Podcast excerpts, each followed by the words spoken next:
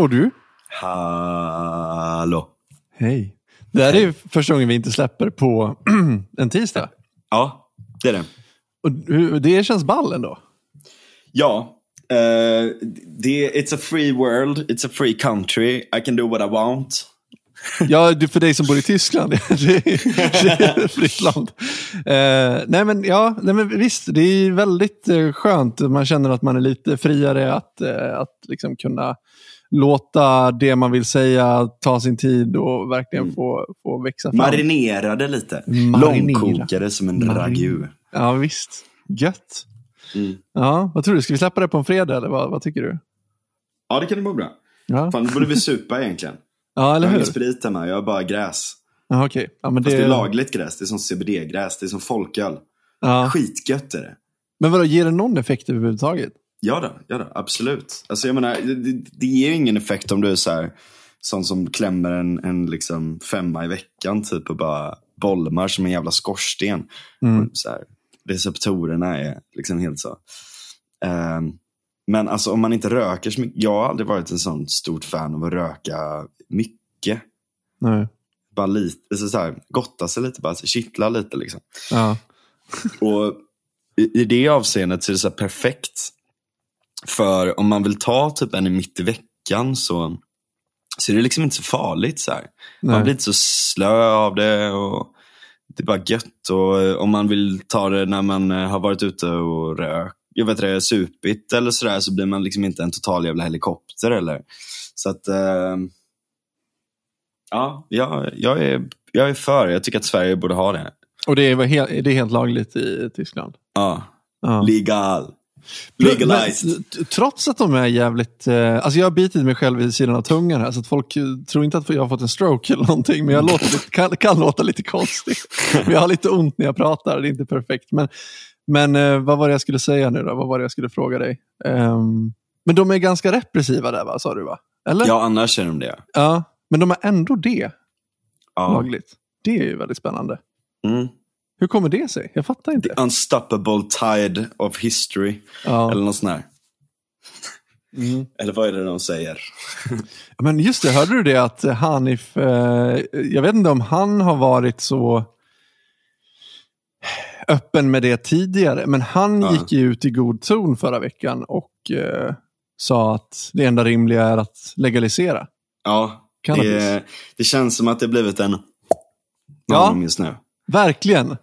Det känns som att han har ingenting att förlora längre. Nej. Han kommer köra och säga det han tycker och det är ju rätt gött. Det är riktigt jävla gött. Alltså, jag, jag blev väldigt, väldigt glad när han dedikerade. Jag, jag har inte hört det, för jag är inte Patreon. Nej, Jag borde kanske bli det. Har, är du det? Ja, Jag är inte det personligen, men eh, jag bor ihop med folk som är. Om vi säger Aha. så. Okej, aha, så pass. Nej men, eh, ja, nej men, ehm, Jag trodde han bara, liksom, det var bara liksom pojkar i min ålder som lyssnade på honom. Jaha. nej, jag nej alltså jag, vi, jag gillar att lyssna på poddar och jag lyssnar ganska brett på poddar, tror, Ja. tycker jag själv i alla fall. Jag försöker ha en ganska bred bubbla. Men, Du får ladda Ehm, ner det och skicka det till mig. Säg ja, ingenting till Hanif. Precis. Han har snott så jävla mycket av mig så nu är det fan Ja. payback. Verkligen. Men, men vadå, hade han gjort en shoutout till dig den här gången också? Nej. nej, nej, nej, det tror jag inte.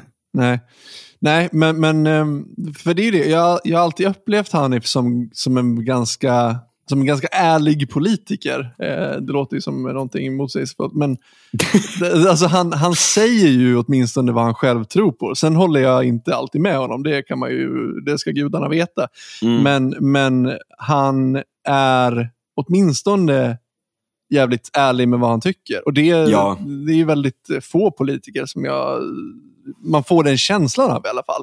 Ja, jag, tror, jag tycker att Nooshi, f- för att ta en person på motsatt sida mot Hanif, då, bara för att vara lite balanserad, tycker jag också är väldigt mycket en sån person som jag har förtroendet för så tillvida att jag... jag Man vet att hon är helt jävla galen. Man vet Ja. vad man har henne liksom. Ja, men hon tror ju, hon, hon säger vad hon tycker. Hon, hon står för vad hon tycker. Ja. Eh, mer än liksom, ja, det är mer än man kan säga om typ Annie Lööf. Alltså så här, hon, Ja, ja, gud, ja. Verkligen. Hon, hon känns bara som ett eh, mediatränat, ja, jag vet inte vem Ja, fan hon ja är. precis. Ja, men det är liksom det som, jag, har tänkt på det där mycket på sistone. Um, alltså när det kommer liksom allting från um, musik till uh, politik till uh, film till, till liksom allt möjligt det där. Mm. Att det känns som att det sitter en jävla massa folk som tänker att de är experter och, och gör saker och ting på så här, bam, bam, bam, med jävligt mycket såna här planer, värdegrunds, eh, och eh, ingenjörskonst inom eh, eh, sofism och allt möjligt sådär. Mm. Eh, och, och liksom bara så här, bara, du, du, du, jävligt snygga dokument och så är det bara press. Det är så jävla dåligt liksom. Och, man ser igenom det och det känns som att någon, du vet, du vet när, när, när det känns som Disneyland. Mm. Det känns som att det är en, en kuliss. Ja. Ja, verkligen. Det är, det inte det? på riktigt. Jo, men det, det, är inte på riktigt. Man kan inte lita på det här. Man, eller man, man känner ju av det. Alltså, ja. så, så är det liksom, för mig i alla fall. Jag kan bara tala för mig ja. själv, men jag känner av det direkt. Alltså, om det är musik jag lyssnar på eller vad det nu än är, om det är äk, äkta eller inte. Liksom. Alltså, ja. Om personen menar det som, gör, eller som har gjort den här musiken menar det, så känner jag det. Annars så känner jag av att det här är inte liksom, från Exakt. hjärtat. Det, och, det, är nästan liksom någon form av dualism. Alltså ja. att, att, man tror på det materialistiska och det, liksom, och det spirituella. I, I bemärkelsen av att alltså, det, det, känns som att de har satt en algoritm på hur saker och ting Liksom, det här funkar, det här mm. vill människor ha, la la la la la la. Och, så, de, och så, så, så, kan de liksom inte se bortom det här. Alltså, de, de, de kan liksom inte se bortom siffrorna till referenten. Alltså, de kan inte Nej. se verkligheten för all jävla, alla jävla dokument och algoritmer de har framför sig. Liksom. Ja, och, och, och, all feta jävla narcissistiska egon som tror att de är omniscienta. Mm. Ja, Fruktansvärt är det. Ja, man, man, kan bli anarkist för mindre alltså. Ja. Jag hade ja. en diskussion med någon nyligen som om det där med med, med liksom runt det där och var, var bra kultur kommer ifrån och allt sånt där. Det kommer fan, och vi har ju liksom talat om det här tusen gånger. Det kommer mm. alltid från hjärtat och det kommer fan aldrig från staten. Nej. och det kommer aldrig, de här är ju liksom, de fungerar ju som staten på sätt och vis. Alltså de här mm. företagen, liksom, att de har liksom räknat ut hur allting bör vara, la De är statiska. Ja, I den bemärkelsen. Precis. Av att de, de, de är som, uh, ja, du fattar vad jag menar. Mm. Ja, verkligen. Men då behöver man någon som sitter och, eh, och skäller på dem lite grann. Ja. det känns som att vi, har, vi, vi är lite sådana, eh, du och jag, i den här podden. Vi sitter lite grann och skäller ibland på, på saker vi, vi ogillar eller tycker är liksom oäkta eh, ja. på något vis. Jag håller på att skriva en bok om det just nu också. Jag, det är lite kast ah, Ja, men det är ju perfekt. Det är ju exakt ett, ett, exempel på den grejen. Ja, jag vet, jag vet. Jag har skrivit ner det. Ja, ja. det är ju exakt precis det. Jag, jag kan säga, men, mina, jag, ni kan ju tänka er liksom hur mina anteckningar ser ut. men det, det, är liksom... Eh, ja. Ska du berätta folk vad du för folk vad du skriver om? Alltså för er som har läst den här tråden om demoner och arkitektur så kan man säga att det är på det temat. Ja. Ja. Det är exakt det här. Alltså det här är ja. så intressant att du säger det. För att det är exakt ja. det här.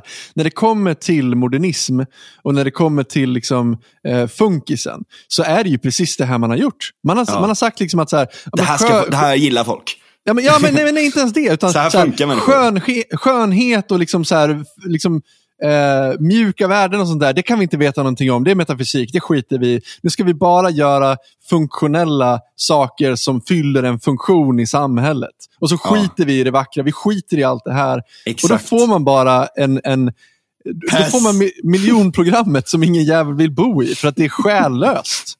exakt det. Det är exakt det. Ja, oh, herregud. Ja. Jag har skrivit ner musikaler. Har jag skrivit ner musikaler? ja, jag hatar Tycker du att det är samma grej? ja, men det är lite samma Nej, grej. Jag vet inte, jag vet inte vad det är, men något demoniskt är det fan. Just det, jag har skrivit ner metal också. Att det, vet, jag ska spela lite på den här grejen att vissa saker man tror är demoner som har skapat, det är människor som har skapat. Vissa saker är bra, liksom. metal till exempel kan vara skitbra. Ja, verkligen. det är gjort, men, men de, däremot har demonerna gjort poppunk och emo-musik. För att de, de har, det var ett jävligt avancerat projekt de hade. För ja. att försöka så här, hmm, det här med blodsoffer, saknar vi inte det lite? Ja, precis. Men okej, men så, här, du- Frivilliga, fri, frivilliga blodsoffer, så här, du vet när folk skär sig och så här. Ja, precis. Exakt. Ja. Cut Det är exakt sam, samma grej där. Liksom. Få Ja. människor att må dåligt. Det är det vi ska göra. Och suga ur energin med dem. Men den här kritiken som du, den här kritikerrollen som du lite grann har tagit. Har du alltid varit en sån person? Alltså typ så här. Jag har alltid varit en gnällig fitta. ja men okej, så här. I, typ, Bitter jävel. så att i, när, du gick i skolan, liksom, var du den som, den här coola killen som satt längst bak i klassrummet och, och liksom hade auktoritetsproblem? Och, och Ja. skällde? Du var den snubben? Ja, eh, om jag inte, hade, om jag inte blev utslängd. Vilket Okej. händer väldigt ofta. Jag blir alltid klar med mina grejer. Jag var sån här särbegåvad. Ja, Nej, jag vet inte, man får inte kalla sig det. Nej. Du får det. Du, du bor inte i Sverige längre, så det är okej. Ett jävla sär, Ja. kan jag kalla mig själv. Eh, nej, men så, så jag, var, jag blev klar med allting Ja. ganska snabbt sådär. Och sen så kunde inte jag sitta still liksom. Nej. Så blev jag utslängd. Ja. Och så gick jag och rökte gräs istället. Började röka gräs alldeles för tidigt. Det hade Ja, man inte är kunnat tro. Okej. ja, det är inte bra. Alltså jag, ja, nej, jag, jag var nog aldrig den personen. Jag har ju inte varit så där dampig som du. eh, jag, jag har nog alltid varit väldigt lugn. Eh, så jag har nog aldrig varit en del av de där, det coola gänget längst bak i klassrummet som eh, har auktoritetsproblem. Men jag har alltid haft auk- auktoritetsproblem. Men Ja. jag har alltid varit duktig i skolan också. Så att jag har liksom snarare varit någon sorts mellanting mellan de här pluggisarna som sitter längst fram i klassrummet och de här anarkisterna som sitter längst bak i klassrummet. Mm. Eh, och på något sätt så har man ju så här, alltid kunnat relatera till de här stökiga ungarna längst bak på något vis. För att de, alltså, även om de är fuck-ups och de är ofta jävligt dåliga i skolan och kan inte räkna för fem jävla öre, men de har ändå en, en, en vad ska man säga, en känsla, en, en ja, men jag tror att det är den här auktoritets eh, problemsgrejen som jag kan relatera till. Som jag, Ja, som det är någon att- jävla agens i alla fall. Ja, men precis. De står fucking för någonting. Ja. Liksom. De, Och de är är- inte zombies liksom. Precis. Eh, och det, alltså, jag var med om en jävligt sjuk grej ganska nyligen faktiskt, eh, som jag måste berätta om. Eh, jag skulle gå hem, jag hade varit nere i studion och skulle gå hem och då går jag ju förbi, jag går ju på Älvsborgsgatan. Liksom. Eh, och för er som har varit i Majorna eller känner till Majorna så vet ni ju om att eh, längst ner på den gatan, ganska nära vagnhallen, så finns ju även Systembolaget. Och det är där det brukar hänga ganska mycket ja, men, eh, fo- folk i, i, i det laget, så att säga, i det tillståndet, eh, brukar sitta på bänkar där nere och eh, ja, ha det gött. Typ. Och jag gick förbi där och då var det en av de här gubbarna som liksom fick syn på mig och så sa han typ så här. Jag kommer inte ihåg exakt vad han sa, men jag parafraserar. Det var något sånt här typ att Åh, det är en liten farbror som är ute och går. Typ så här. Jag bara, Va? vad, fan, vad fan hände där? Liksom? Så jag blev så chockad och paff så att jag liksom kom inte med något bra svar. Liksom. Det var det sista jag hade tänkt mig att han skulle kläcka ur sig. Typ.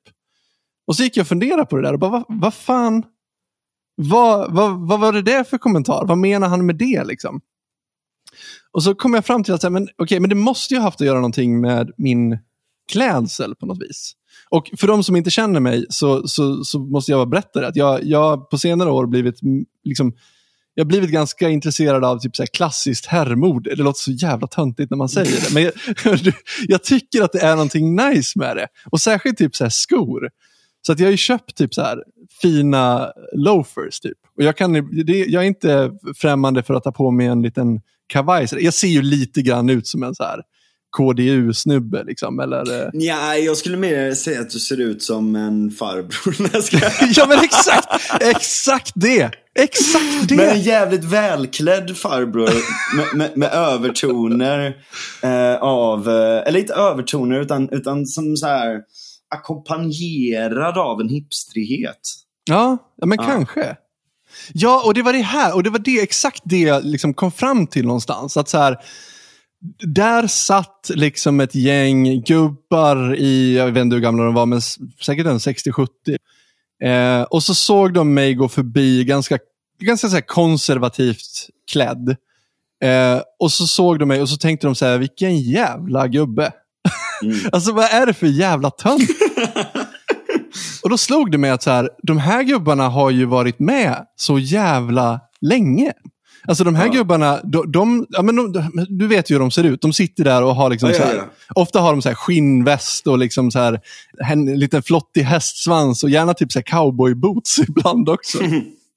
Det här är ju en stil som, som kanske yngre människor hade, ja, inte fan vet jag, men säkert en 30-40 år sedan. Liksom. När, när, de var unga så satt de där på bänken och var liksom lite så här unga och radikala och liksom emot etablissemanget. Och, och det som var etablissemanget då, det var ju äldre gubbar som förmodligen gick klädda som, som jag gjorde den dagen. Så att det de såg gå förbi där, det var ju en konservativ gubbe som tillhör etablissemanget. Medan de satt där och kände sig som någon sorts radikala, ja du fattar, lite så här unga rebeller på något vis. Ja. I alla fall i hjärtat. Ja, precis. Men, men grejen är så här, gubbar ser inte längre ut som gubbar såg ut 1972 med loafers och typ hatt eller kavaj eller hur de nu såg ut då. Utan så här, gubbar nu för tiden, de ser ju ut som de här gubbarna. De har ju skinnväst och ponytail och hela den biten. Eh, det är ju exakt vad en gubbe är idag. Det finns ju inga eh, yngre liksom, radikaler som springer runt och ser ut som att de vill vara med i Hells Angels. Liksom, utan det är ju en, en stil som vi förknippar med en äldre generation. Men det här fattar ju inte de. De fattar ju inte att de är gubbar nu för tiden.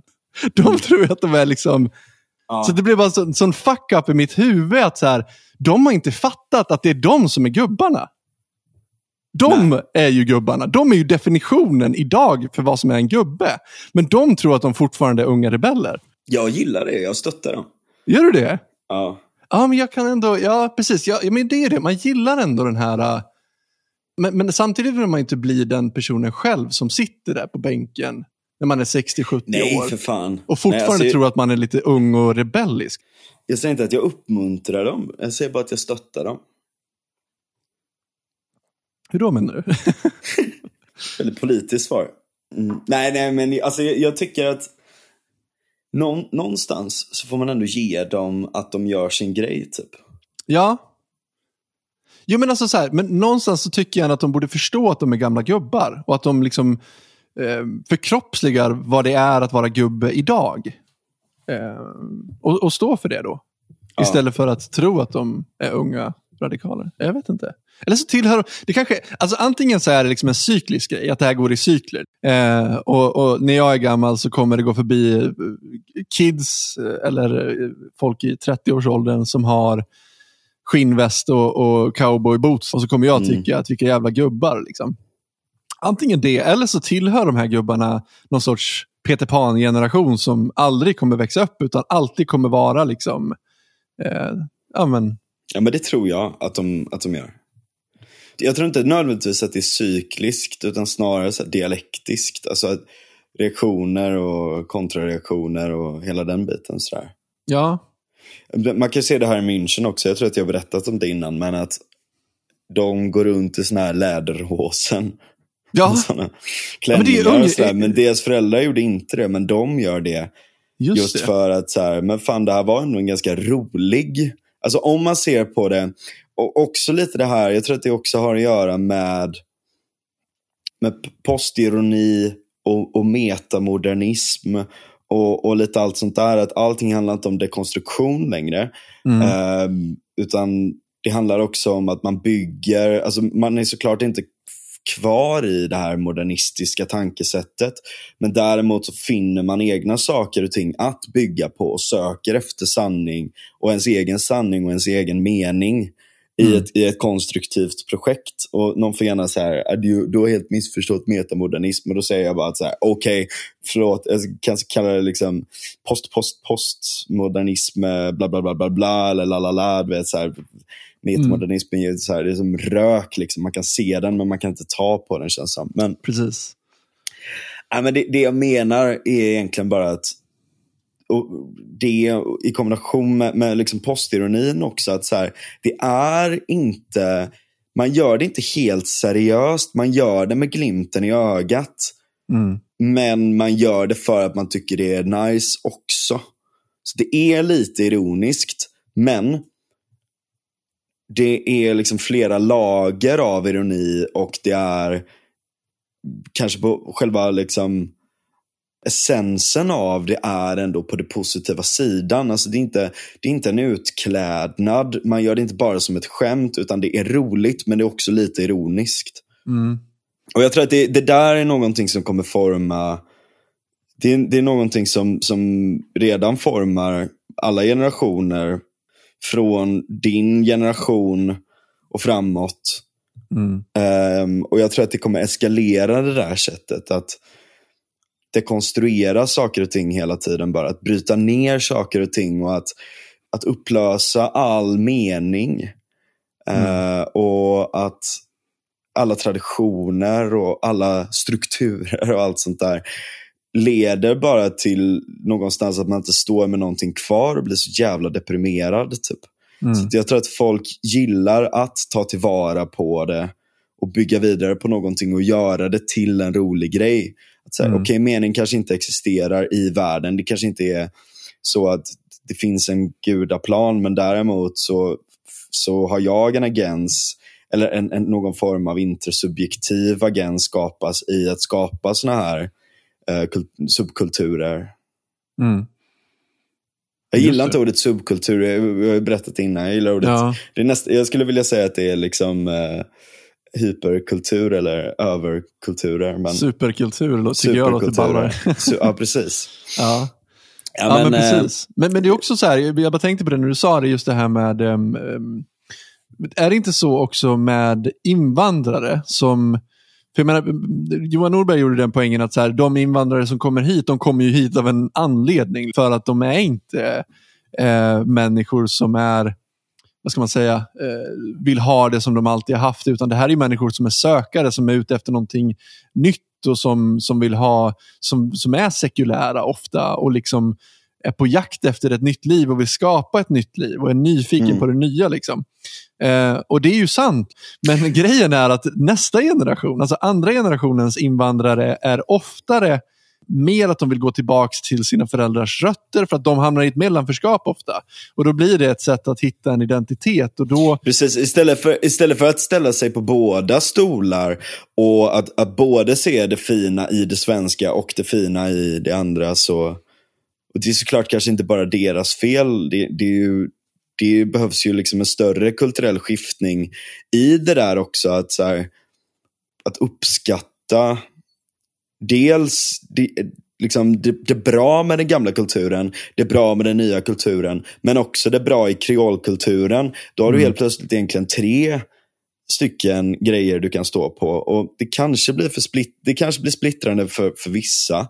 Men däremot, jag menar, alltså, de flesta av oss har inte bara en enda identitet. Alltså en enda grej vi gör, utan de flesta är ju så här, när jag är med de, när jag är med de här kompisarna så gör jag på det här sättet, eller när jag är med dem så gör, så gör jag på det här sättet. mm, Ehm, när jag är med de här pratar jag med musik, när jag är med de här pratar jag politik. Eh, och när jag är med de här så pratar vi bara skit. Du vet. Alltså, så Ja. här, att, att man, intar, man kan inta olika roller i olika sammanhang och lyfta fram olika sidor av en i olika sammanhang. som Dels för, för att de, den passar bättre men också för att det är kul att, att leva ut den sidan av sig själv lite ibland och så också. Ja. Och, om man, jag tror att väldigt mycket handlar om, jag hade faktiskt en diskussion, jag var i Prag i helgen mm, ja, just det. Mm. och så träffade jag några indier på vägen dit och, och vi träffades även på väg, vi tog samma tåg på väg, till väg tillbaka också. We are studying informatics. Så här. Eh, väldigt härliga. eh, Så, de flesta var uppvuxna där, och så var en, en, men det var en snubbe och vi klickade särskilt bra då. Han var uppvuxen i um, Wien. Mhm. Och så pratade han om det, att han hade länge sett det som ett mellanskap, mellanförskap. Eh, och han hade liksom konsumerat jävligt mycket indisk kultur för att hitta tillbaka dit och sådär också. Ja. Eh, men sen så sa han det att så här, väldigt mycket av det handlade om en inställning. Att Ja. när, han, när han bara tänkte, okej men om jag tänker på det på det här sättet istället, att jag är ju mycket rikare kulturellt. Mm. Det är inte det att jag inte har någonting. Jag har tvärtom dubbelt så mycket eller mer än många andra. Just för att jag har det här. Just Och det. när han började tänka på det sättet, när han framade, vilket det kallas då inom kognitionsvetenskap, hur man framar olika saker man ser på eller olika problem. Så, här. så när han ändrade sin framing till att vara positivt bejakande, så blev han plötsligt väldigt mycket lyckligare och väldigt mycket tryggare i sig själv och sin egen identitet.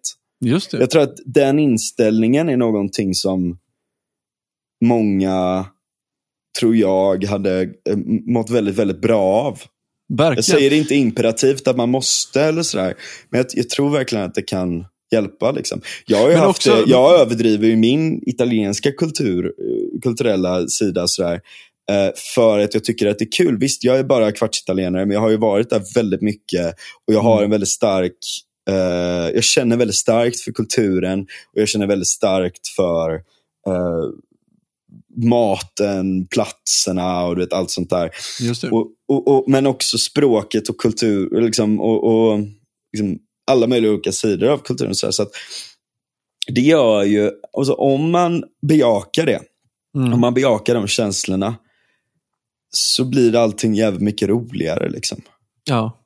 Men jag tänkte på det också att så här, visst, du kan, du kan ehm, embracea ditt mellanförskap och se det som att du är, dubbelt så rik då, eftersom du har två kulturer att, att stödja dig mot.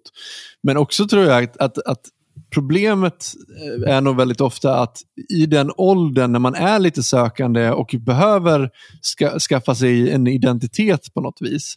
Jag tror att det, man gör sig själv en, en björntjänst om man tror att jag behöver en eh, kultur att hänga upp vem jag är på. Förstår Mm. du vad jag menar? Mm. Ehm, och Jag tror att de människorna som är i ett mellanförskap eh, så här, om du är sökande och inte vet vem du är. Alla människor går igenom en sån fas i livet. Det spelar ingen roll hur, Mm. hur trygg du är i, i den enskilda kulturen du kommer ifrån. och så vidare. Det här är en känsla som är Alltså det, alla människor känner så här. Men har du då någonting att hänga upp den här känslan på? Att säga så här, ja, men jag känner mig så vilsen för att jag befinner mig i ett mellanförskap. Nej, du känner dig vilsen för att du är en människa. Det är precis Mm. så man känner. Liksom. Ja, Men ja, du, du råkar bara ha en krok att hänga upp det här på som du kallar för mellanförskap. Det är inget Ja. speciellt med dig överhuvudtaget, men jag tror att man gör människor en, en björntjänst när man säger att ja, det är så synd om dig för att du har ett mellanförskap. Jag, jag tror att man förstärker den här känslan av att inte veta vem man är istället för att uppmuntra den och säga att nej men, okej, alla människor känner så här. Det är, du är inte unik för fem öre. Det är upp till dig att göra dig unik. Det är upp till dig att, att, att skapa vem du är. Och det, Mm. det kan ju vara en börda och det är ju tufft. Liksom. Men jag tror att det är sundare än att, att liksom förminska människor på det sättet och klappa dem på huvudet lite grann och säga att jo, men det, det är nog lite synd om dig för att du känner så här. Jag Ja. tror inte att det är bra för någon egentligen. Nej, verkligen. Verkligen. Det där är faktiskt någonting som jag har tänkt på en del på sistone. Så inte minst, jag hamnade i en massa bråk så med, med, med transaktivister eller vad man ska säga. Eller sådana Jag tänkte vi skulle komma till det. Ja, du tänkte Ja. det? Ska vi ta det nu då? Ja, alltså, jag tänkte försöka hitta någon form av eh, segway. In Ja, men vad fan, ta grej. över då. Ja, jag får fan göra det. Alltså, du får sitta Ja, där och hålla käften. Ja. Nej, men, grejen är att jag Backa tänkte... och lyssna. Ja, precis. Jag, får nog, jag kommer behöva klippa i det här tror jag. ja, men i alla fall. Alltså, den här incidenten med de här gubbarna då. Eh, om vi ska gå tillbaka till den lite snabbt. Förlåt. det blev en jävla tangent. Eh, det, det, det, jag kommer till, till det du snackar om nu, men, men Ja. just den här, den här incidenten med gubbarna fick mig att tänka på en annan grej. Eh, när jag var lite, alltså jag är ju lite äldre än dig och det är, ju- det är Mm. lite kul, men typ i samma veva som du föddes då, ungefär då. Ja. På, den, på den tiden eh, kommer jag ihåg att jag var hemma hos min morbror och han är, han är sladdsyskon till min mamma.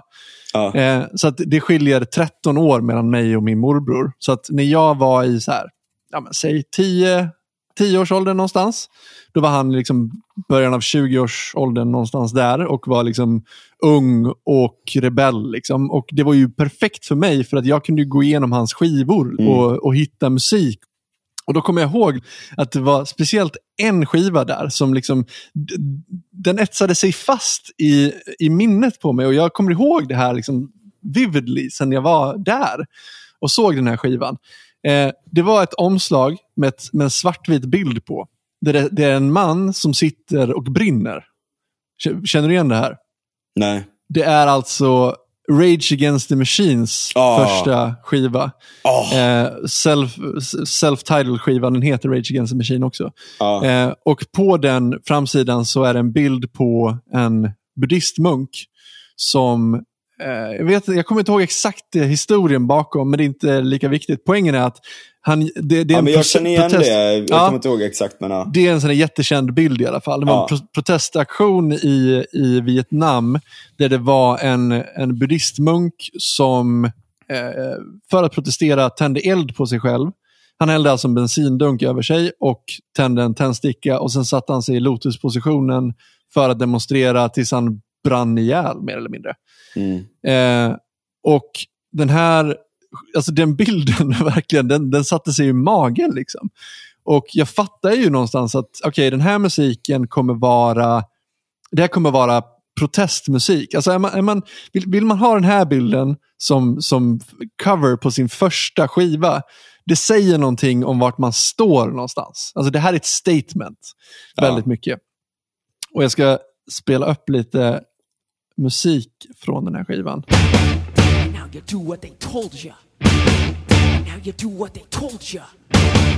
Now you do what they told you. Now you're under control. Now you do what they told you. Now you're under control. Now you do what they told you. Now you're under control. And now you do what they told you. Now you're under control. And now you do what they told you. Now you're under control. And now you do what they told you.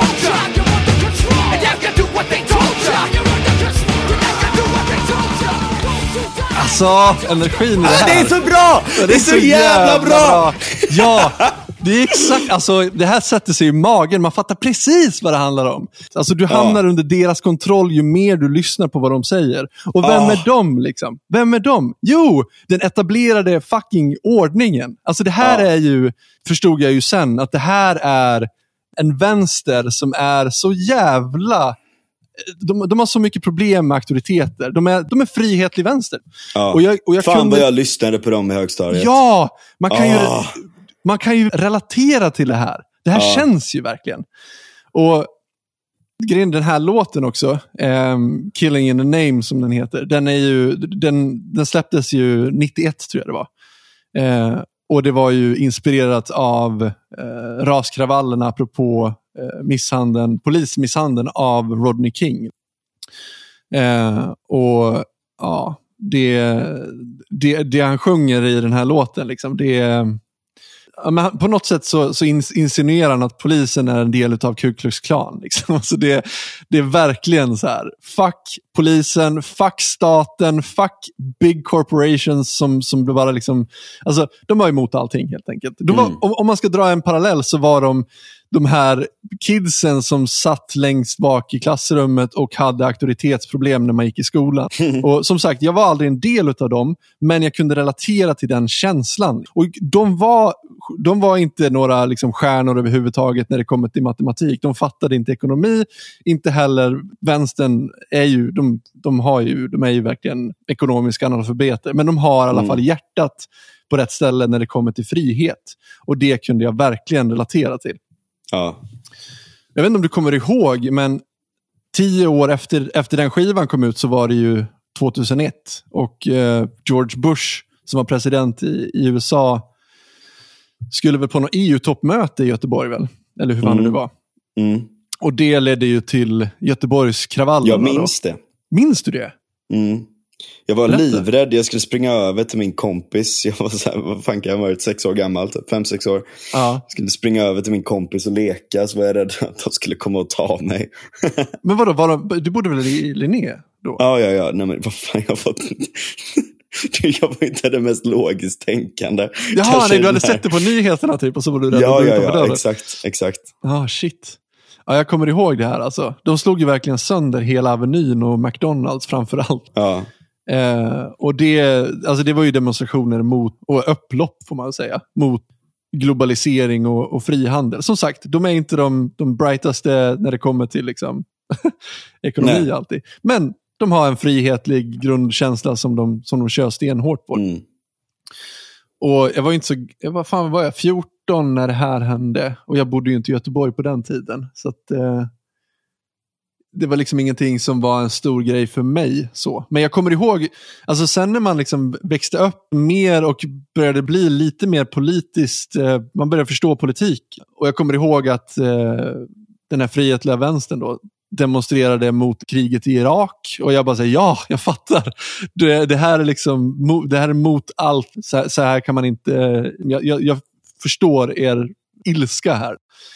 Eh, men även liksom när det kommer till så, frihet på internetfrågor, alltså så här, FRA-lagen, det var ju de som demonstrerade tillsammans med liksom, så här, klassiska liberaler. Alltså, så här, frihetliga människor som kunde sluta sig samman för frihet helt enkelt. Och demonstrera tillsammans för det. Det är, det är ju så Mm. jävla vackert. Och när det kommer till den frihetliga vänstern, det känns som att de hade sin peak typ 2011. Alltså Occupy Wall Street, kommer du ihåg det? Ja. Vad tyckte du om det? Nej, men det var fan 2011, då var jag fan med, liksom, inte sinnesfulla bruk, men åtminstone 16. ja. Det var ju lite samma grej där. Ja, Vad ska man säga? Eh, någon form av energi från Göteborgskravallerna på något vis. Alltså, det finns ett bra så här, eh, klipp från Reason TV, tror jag. Mm. Där det är en snubbe som åker dit och bara, ja, tjena, det är jag som är the one percent. ja, det är ju Peter Schiff ju. Ja, Som ni, gör borde åka, ni, borde åka till, ni borde åka till Washington istället. ja, han är libertarian. Jag älskar honom, det är så jävla roligt. jävla klipp. rätt. Det är de som liksom är så här, det här, är- det är de som är makten, det är de som är vad heter det, korporativismen. Det är korporativismen ni hatar, det är inte kapitalismen. Exakt, precis. Jag har sett det klippet också, det är så jävla bra.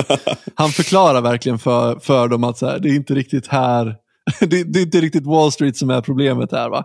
Nej. Men det är så intressant liksom att så här, den största så här, liknande händelsen eh, på senare tid, det är ju utan tvekan eh, Black Lives Matter-protesterna från förra året, då, 2020. Mm. Och Det är intressant just också av den anledningen att, så här, för på samma sätt som liksom när Rage Against the Machine slog igenom 30 år tidigare, så var anledningen till de här protesterna och upploppen polisens övervåld mot eh, framförallt den svarta befolkningen i USA. Mm. Men, men, om man, men, men det fanns ju en enorm skillnad från, från då. Och det var ju att de upploppen och den eh, ilskan som, som bubblade upp 2020 hade liksom corporate sponsorship. Ja. Och det är inte små företag som, som ställer sig bakom Black Lives Matter på det, alltså förra året. Utan det var ju liksom ja, protestera mot det här istället. Fokusera på det här. Ja, men precis. Alltså, jag, jag har gjort en liten lista här av ett axplock av företag som, som ställer sig bakom Black Lives Matter. Då. Och det var bland annat Apple, Walmart, H&M, Levi's, Nike, McDonalds, Coca-Cola, Twitter, YouTube och Facebook. Man kan ju tycka att det är så här Det är rätt sjukt ändå att Facebook gör det. Alltså de gick ju ut, alltså, så här, jag tror inte att de... Jag vågar inte säga att, att Facebook så här, supportade med liksom pengar eller någonting sånt där. Det, det vågar jag faktiskt inte säga, svara på om det var så. Det, det är möjligt att de gjorde det. Men jag vet att de gick ut och supportade själva rörelsen i alla fall. Och, och det kan man ju liksom tycka är sympatiskt och, och, och, och fint av de här företagen. Att de liksom så ställer sig upp mot orättvisor och så vidare. Ja, men Eh. där är ju problemet så här. Vadå, håller inte du med om att Black Lives Matters? Eh, jo. Okej, bra, då håller du med om de här sakerna också. Bara, eh, nej. Ja. Alltså att det är så här. Man, man tar typ så här glassegott, man tar typ ett påstående. Och sen så bara så här, okej därför ska vi göra, där ska, därför ska vi liksom ha ras, liksom ras, rasenklaver och, och, och kommunism och, och allt möjligt så här. Ja. Det, det är det som är det stora problemet. Jag har inget emot att backa, jag, jag, så här, jag, jag vill inte backa våld såklart. Och det gör jag verkligen inte. Jag tycker att upplopp, upploppen var helt sinnessjuka på, på det sättet det gjordes. Eh, det är en sak att demonstrera, det är en sak att vara jävligt arg. Det är en sak att skrika. Men det är en annan sak att ge sig på oskyldiga butiksägare och bara förstöra saker och ting. Ja. Eh, Men- Jag skulle vilja lyfta en annan poäng. Eh, jag, jag förstår, den, eh, Ja. den vinkeln har vi kört tidigare och jag håller helt med. Liksom. Eh, men, Men, jag men- menar så här, ja. men- men jag fattar som- verkligen, jag fattar ju sentimenten av att de är liksom fucking fy jävla förbannade på att det här händer gång på gång på gång. Och jag tycker inte att det är konstigt att det blir värre och värre och värre för varje gång det sker. Precis. Men någonstans så här, okej. Om vi då tänker liksom den frihetliga vänstern som liksom på 2001 slog sönder McDonalds och, och massa affärer på Avenyn här och liksom eldade upp eh, utemöbler för att stoppa spårvagnar. Alltså helt galna liksom. Om de 2020 har liksom corporate sponsorship, alltså om din, om din motståndsrörelse är liksom uppbackade utav det samlade etablissemanget. Är, är, det då en, är det då en motståndsrörelse? Alltså så här, om, om vi tar liksom bandnamnet Rage Against the Machine. Om liksom The Machine ställer sig bakom din rage.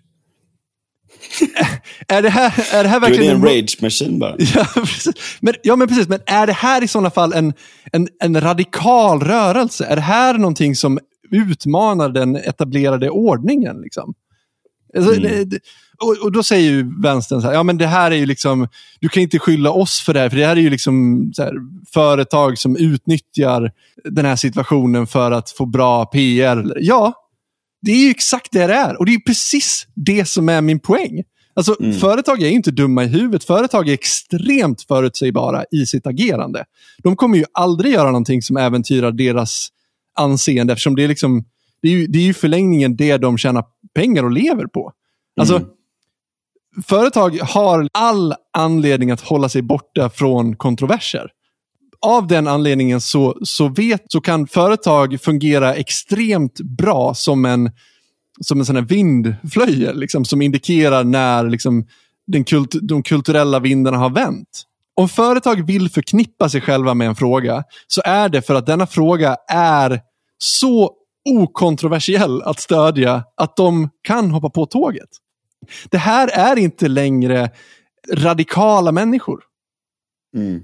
Det här är inte radikalt längre. Överhuvudtaget.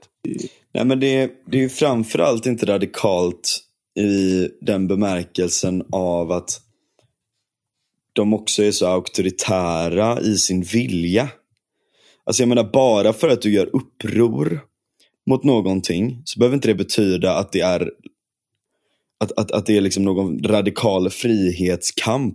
I, alltså, i det här men det fallet så handlar det det, som är- snarare om att kontrollera människors Eh, alltså, vä- väldigt mycket av det då, alltså, jag menar, om, vi, om vi bortser från så att säga bara det här eh, liksom Black Lives Matters-grejen då Mm. och, och, och, och ser liksom mer djupare, vad är det många av de här vill och allt sånt där, så är det ju och, och liksom väldigt stora delar av den vänsterrörelsen och sånt där också, så är det ju att så här, kontrollera språk, kontrollera hur människor ser på saker och ting och hur människor agerar. Alltså det, det, det är en extremt stark auktoritär idé om hur man ska kontrollera människor.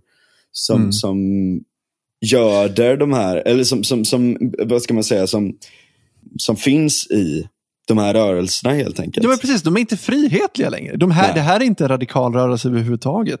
Ja. Och jag, jag tänkte på det liksom nu. Ja, men till exempel eh, i, i början av det här året när Trump blev bortplockad från Twitter. Och det var inte bara Trump, det var massa eh, högermänniskor och libertarianer i, i USA som blev deplattformerade helt utan förvarning och helt utan att de hade gjort någonting egentligen. Nu pratar jag inte om Trump specifikt, utan om andra personer. Eh, och reaktionen som jag hörde från vänster var ju väldigt mycket att så här, det är ett privat företag, de får göra precis som de vill. Men vänta, vänta, vänta, nu. Vänta nu. Om det demokratiska samtalet sker bakom privata företags stängda dörrar på något vis. Vilken vänstermänniska kan acceptera det här? Alltså, är det är Nej, verkligen de hade ju analys? aldrig accepterat det om det var någonting som de var emot. Nej, men precis. Nej, men Det är dels så är det det. uppenbart. Dels är det det. Det, men det finns liksom inga generella principer. Det finns Ja. bara deras principer. Jag tror att det är någonting annat här på gång. Och jag ska göra en annan spaning till. Eh, apropå saker som har hänt i år. Och jag vet att jag har tjatat om vaccin och hela den biten. Och jag ska inte, jag ska inte älta det så mycket mer nu. Men Min jag faster måste... skriver jävligt arga meddelanden från Italien om hur fascistoiden de är där. Exakt! Precis, för vad har hänt i Italien? det senaste? Frans, can you explain this to me? Ja men exakt, men vad är det som har hänt i, i Italien? ja, men de är liksom benhårda, helt sjuka i huvudet. Liksom. Ja, du måste kunna visa upp ett vaccinpass för att överhuvudtaget kunna jobba i Italien. Mm. Alltså, Australien Exakt. har förvandlats till någon sorts jävla fascistisk jävla... Jag vet inte vad fan som har hänt i De är Australien. liksom tillbaka till att det blivit en fängelsekoloni. Det är bara Ja. att de har befängslat sin egen befolkning. Exakt! Exakt! Alltså vad fan är det som händer liksom? Och, Ja. och det är helt tyst ifrån den frihetliga vänstern. Alltså så här, Ja. Inget tar parti för liksom, arbetande människor som måste liksom så här... Okej, Okej, så här. En vänster-take på det här. Jag, jag ska bara presentera det, hur det skulle kunna låta. Bara, bara som att ge lite inspiration. Så här. För det första, googla Who paid the largest criminal fee in history? Googla det, ta en paus och bara googla det. Och så kommer ni tillbaks. De måste också göra det. Ja, gör det. Oj jävlar. Exakt. Det här företaget tillsammans med... Alltså, för det första, det här företaget har sin sugsnabel rakt in i din plånbok. Eh, arbetande människors plånbok i liksom, världens länder. Och tillsammans med de här eh, ländernas liksom, stater så tvingas vanliga arbetande människor att ta ett fucking preparat från liksom Big Pharma för att överhuvudtaget kunna försörja sig själv och sin familj. Och vänstern har inte ett jävla skit att säga om det här. Jag tycker bara att det är så jävla slappt. Vad fan Ja. är det som händer liksom? Eh, den som har faktiskt varit jävligt bra på den här punkten, tycker jag, inte alltid korrekt, Eh, men, men åtminstone liksom på något sätt som kan, som, som kan ge en en känsla för hur vänstern brukade vara. Så, så har det varit liksom, jag tycker Joe Rogan har varit bra stundtals. Eh, och jag tycker att Dave Smith har varit bra stundtals. Alltså libertarianen Dave Smith. Och det finns ett, ett klipp när Dave Smith är hos Joe Rogan och pratar om vaccinpass. Eh, och det här klippet blev upplockat utav, jag vet inte om du vet vem Hassan Piker är? Nej. Vet du vilka The Young Turks är? Ja, vagt. Ja, men i alla fall, det är så här vänster, amerikansk vänster liksom. Ehm, Och han är någon sorts stor liksom person på, heter det Twitch? Äh, Twitch? Twitch? Jag vet inte. Jag är ju som boomer. Vad heter det? Du känner igen det? Twitch heter det ja. Ja, precis. Han är någon stor snubbe där i alla fall. Han beskriver sig själv som socialist och han gjorde en sån här commentary video när Dave Smith var hos Joe Rogan. Jag tänkte vi skulle lyssna lite snabbt på det. Och Det här är ett parti då när eh, Dave Smith och eh, Joe Rogan kritiserar just eh, det här med vaccinpass. Dave Smith passionately And opposes vaccine passports. Oh fuck yeah, dude! New bro Jogan. I'll tell you what I can't stand, which just like makes my blood boil, is when they use your basic freedoms as a negotiating tool. Like they're like, well, if you do X, Y, and Z, then maybe we'll let you have Yeah, restaurants. exactly. Maybe we'll let you do this. Like, Yeah. who the f- And you get back some of your freedoms. Like you're Yeah. now you're using my freedom as a carrot on a stick Yeah. to get me to do what I want to do. Like what type of sick shit is that? dude. we can go to what is being proposed and talked about, which is a national caste system where there's one group of people who have fr- basic freedoms and rights and one group of people who do not. I don't understand.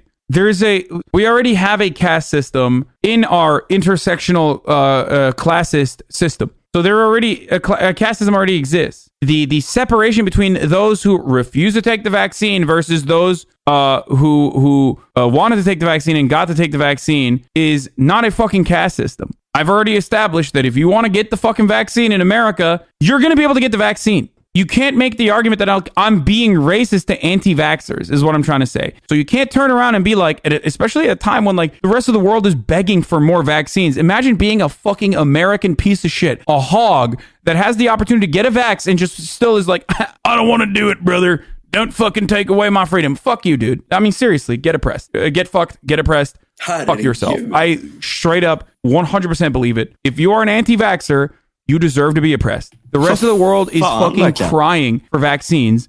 We have an abundance of it, and you literally just don't want to take it for idiotic reasons. You deserve to be oppressed every day of the fucking week. Herregud. Okej, och, och visst, så här. Han är en, en, en stor person på internet. Fine. Han är liksom ingen representant för hela vänsterrörelsen. Jag förstår det. Absolut. Men, jag tycker att det var ganska representativt. ja, hur eller hur? Det, det är en representa representativ attityd som Ja. har kommit fram väldigt mycket det senaste halvåret. Och Jag tycker bara att det är så jävla intressant att han säger att liksom, men du, kan ju, du kan ju välja att ta vaccinet. Du kan inte välja vilken klass du tillhör. Du kan inte välja vilken, vilken etnicitet du tillhör. Fine, det är ett valid argument. Men det här är ju ett argument som liksom eh, folk som har varit på andra sidan utav deras debatter sen tidigare. Och, ja, men vad ska jag säga? Om de står på arbete, eller har stått på arbetarens sida tidigare så, så har ju motståndarna till dem kunnat sagt liksom att ja, men vadå? det är väl bara att du byter jobb i sådana fall. Alltså, förstår du vad jag menar? Alltså, Ja. du, du behöver inte strejka. Varför ska du hålla på att strejka? Du kan ju bara byta jobb. Det är ju en fri, det är en fri värld. Du kan byta jobb. Liksom. Det är Ja. exakt det argumentet han kommer med här. Och det är så jävla sjukt. Liksom. Och jag tänkte också på Nej, det. inte ens det. Han kommer ju inte ens med det argumentet. Han säger bara så här, gör det. Ja. You fucking piece of shit. Liksom. Ja, och du förtjänar att bli oppressed. Liksom. Det är Ja. det han säger. Och jag tänkte Men det är också, också på den här, jag fattar inte ärligt talat. Om det nu, alltså med tanke på att det inte minskar smittspridningen så jävla mycket uppenbarligen. Mm. Om det nu är någon som vill göra det egna valet av att potentiellt ta den stora risken av att inte ta ett vaccin. Okej, Ja, exakt. låt dem då. Alltså i värsta fall så dör de, men de dör väl med värdighet antar jag då. Eller, du har eller sin inte. frihet intakt, den som du har ja, glömt bort. inte värdighet, men frihet kanske. Ja, du, du, Nej, men, du, du har glömt bort att du stod för det här för typ tio år sedan bara. Och Ja. nu är du liksom en, en person som sitter i knät på Big Pharma och Big Government. Alltså du, är, du har blivit en, en liten knähund till det etablerade, liksom till etablissemanget. Mm. Och du är en väldigt, väldigt högljudd liten knähund dessutom.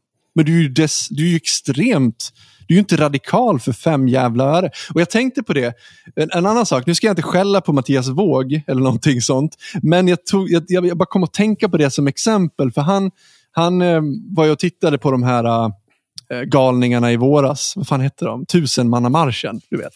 Som vi också satt och skämtade om i, i att han ser podden. ut som mig. ja. Ja, exakt. Eh, Och att de är helt jävla galna liksom, för att de tror att liksom, 5G. och- ja, 5G och vad heter han? Bill eh, Gates eh, har någon sorts konspiration och, Mm. och hela den biten. Liksom. Och de är liksom så här, de tror inte riktigt på vetenskap och, och bla bla bla. Och det står Mattias Våg bredvid och bara så här, ja de är nyliberaler. Bara, nej, de är, de är inte fucking nyliberaler. Det är, det är du som är nyliberalen här. Du står på sidan av att det är bara att ta vaccinet, det är bara att byta jobb. Eller det är ett, fritt, det är liksom ett, det är- det är ett eh, privat företag, de får göra som du vill. Eller de de vill. Och de här personerna som, som går och demonstrerar, som liksom så här, de har åtminstone kvar någon sorts... Alltså de, de är skvattgalna, jag håller med om det. Men de har i alla fall kvar någon form, form av känsla för, för frihet. Liksom. Och Det som är det mest ironiska med det här, det är att om man tittar på den frihetliga vänstern för bara 20 år sedan, det är ju exakt de som går där. Alltså, för 20 år sedan var de postmoderna. De ville, de ville dekonstruera ta med fan allting. De, var, de, de, de ville dekonstruera liksom de stora narrativen som objektivitet och liksom vetenskap. Det var ni som tvivlade på vetenskap för 20 år sedan. Och nu skrattar ni åt de som tvivlar på den idag. Alltså det är bara så, här, det är bara så ironiskt på något vis. Ja. Liksom. Men det är också det att så här, det, det var ju dessutom de som var konspiratoriska. Det var ju de som snackade om New World Order och att Bill eh, Gates och alla skulle ta över världen liksom för, för 20 år sedan och då var det fine. Liksom. Men nu kan ni stå vid sidlinjen och skratta åt dem och kalla dem nyliberala när det är du som har förändrat dig. Och det är det som är intressant för, de, för vänstern har ju på något sätt blivit de här gubbarna som, som kallade mig för en liten farbror. Liksom. De tror att de fortfarande är radikala men de har blivit en del av etablissemanget på något vis. Ja. Och, och, och istället då för att hålla makten i schack och att skälla på makten så är det som att de liksom... Ja, men, så här, om, om, de, om de förr i världen var de här stökiga kidsen som satt längst bak i klassrummet så är det som att de har nu flyttat fram längst fram i klassrummet och vänds emot resten av alla elever. Och nu sitter de och håller alla andra lev, elever i, i schack och skäller ut dem så fort de gör minsta lilla fel. Och de har fortfarande självbilden av att de är helt att de är radikala och att de är liksom ett hot mot den etablerade ordningen på något jävla vis. Men det är de inte. De är en liten jävla knähund åt makten. Punkt slut. Så enkelt är det. Mm. Jag tänkte jag skulle spela upp en, en grej till. För, för man kan ju tänka sig också att så här, kan det inte bara vara så att vänstern har spelat ut sin roll? Att de inte existerar längre på samma sätt? Kan det vara så? Jag vet inte. Alltså, jag har väldigt, väldigt svårt att ta V och MP seriöst. Ja, vi kommer till Eh, dem. Vänta bara. Jag ska skicka ett nytt klipp till dig nu. Som jag såg på, på, ny, på, i morgonstudion på Nyhetsmorgon på SVT i morse. Okej, jag lyssnar. Ja, vi ska prata om Dave Chappelle nu, en välkänd veteran på stå-upp-scenen i USA. I samband med hans senaste show, The Closer, som visas på Netflix, så har en våg av kritik fullständigt sköljt över både Chappelle själv och över Netflix. Orsaken är att han anklagas vara transfobisk. Ja, det var lite grann det du ville komma in på tidigare där. Ja. Ugh. Han är en komiker. Ja, Herregud. Det är det här som är det stora problemet. Att de kan inte ta ett fucking jävla skämt. Vill ni bli behandlade likvärdigt som alla andra? Okej, då är fan första steget att lära sig att ta ett skämt. Ja, och man kan tycka så att ja, men det är en trött spaning att vänstern har blivit woke. Ja, men det är, inte, alltså, det är inte det som är själva spaningen här. Utan spaningen är att, alltså, Att de får vara hur humor. woke de vill. Det, det, det, jag tycker nästan att det är bra att de är det. För någon, någon behöver väl vara det också, tänker jag. Men de har ju helt tappat kompassen när det kommer till frihetliga frågor. Om, om, om staten och kapitalet kan gå ihop och liksom förtrycka världens arbetande människor på det här viset och de säger inte ett jävla knyst. Men så fort Dave, Dave Chappelle råkar säga någonting om, om Att människor föds som fittor typ. Ja, men precis. Det stora demonstrationer utanför Netflix? Man bara, säger, men vad är era prioriteringar? Har ni, har ni kvar kompassen när det kommer till frihetliga frågor? Vet ni vad det är överhuvudtaget?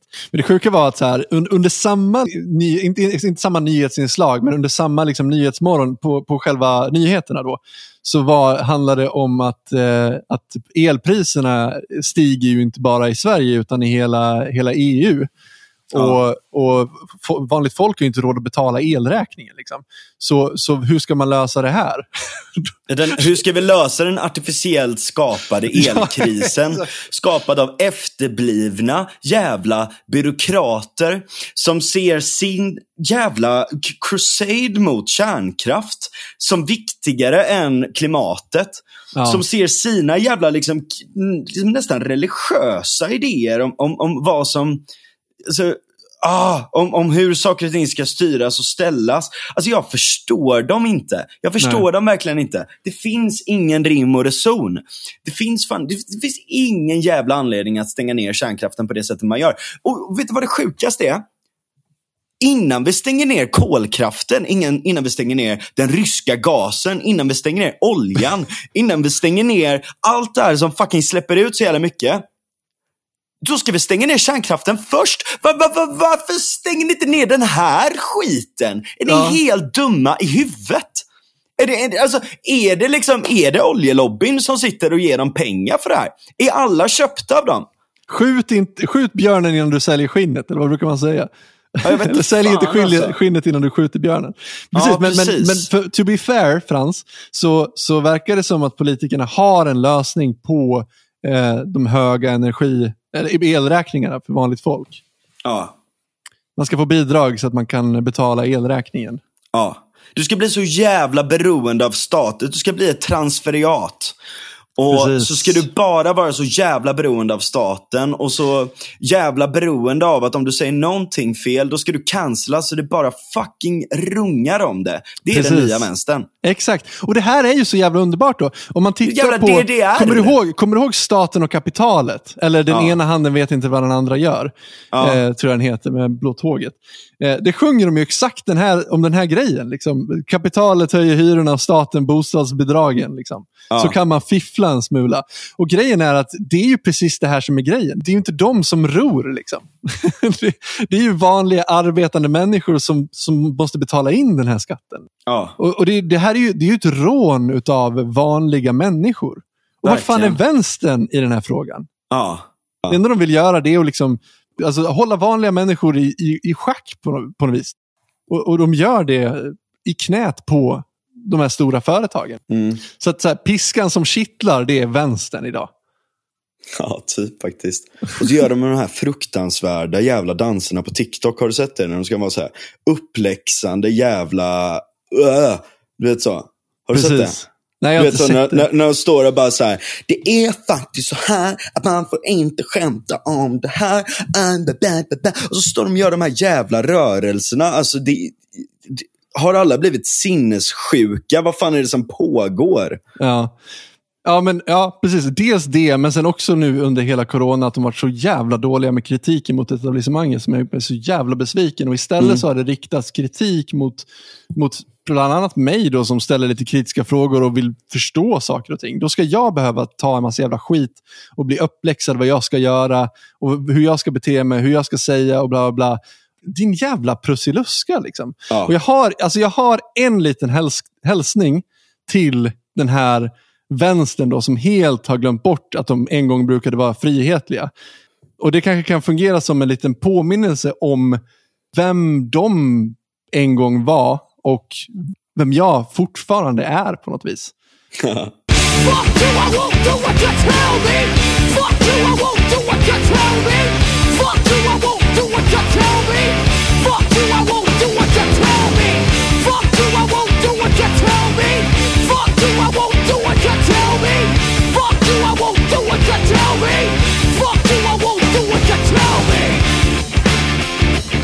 Motherfucker!